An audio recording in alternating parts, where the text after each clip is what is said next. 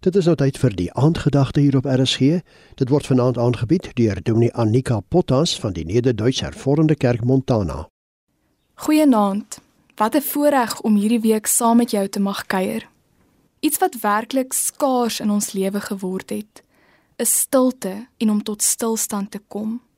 Ons leef in 'n wêreld vol klank, druising, afleidings, gejaagdheid.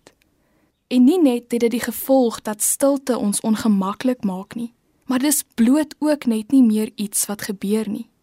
En daarom is dit nodig dat ons in hierdie week hieroor moet gesels.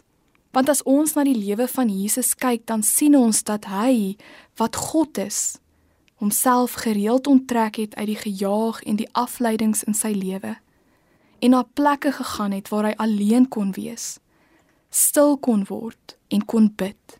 Ook ander groot Bybelse figure soos Moses, Elia en Johannes die Doper het soms selfs dekades alleen saam met God spandeer. En hierdie stil word tye saam met God was vir hulle die geboorteplek van 'n lewe van diep toewyding aan God. Van die aanleer van om intentioneel na God en na ander te luister, van krag vir elke dag van om mense onvoorwaardelik te leer lief hê. Dit was en is 'n belangrike teenvoeter vir die gejaagdheid van die lewe, vir die onbesonde woorde en die oormatige gedruis en afleidings van ons wêreld. Om vir 'n paar oomblikke uit die gejaag en die gedruis van die wêreld te tree, is vir ons gesonde funksionering in ons eie lewe, maar ook in ons verhouding met God en ander noodsaaklik telkens in die Bybel sien ons dat God ons hiertoe roep. Die skrywer Ginila Norris het ook hieroor geskryf. Sy sê: Stilte openbaar, stilte genees. Stilte is waar God ons ontmoet.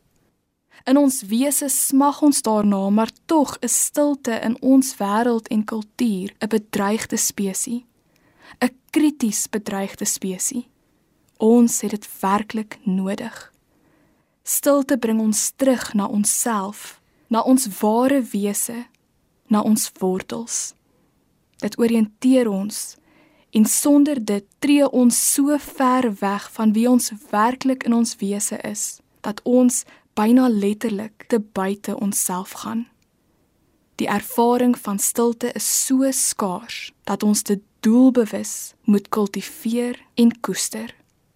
Mag ek en jy dit opnuut in hierdie week leer en ontdek. En om dit te doen, oordink vanaand hierdie vraag: Waar in jou lewe kan jy meer tyd inruim om stil te word? Tot môre, mooi aand.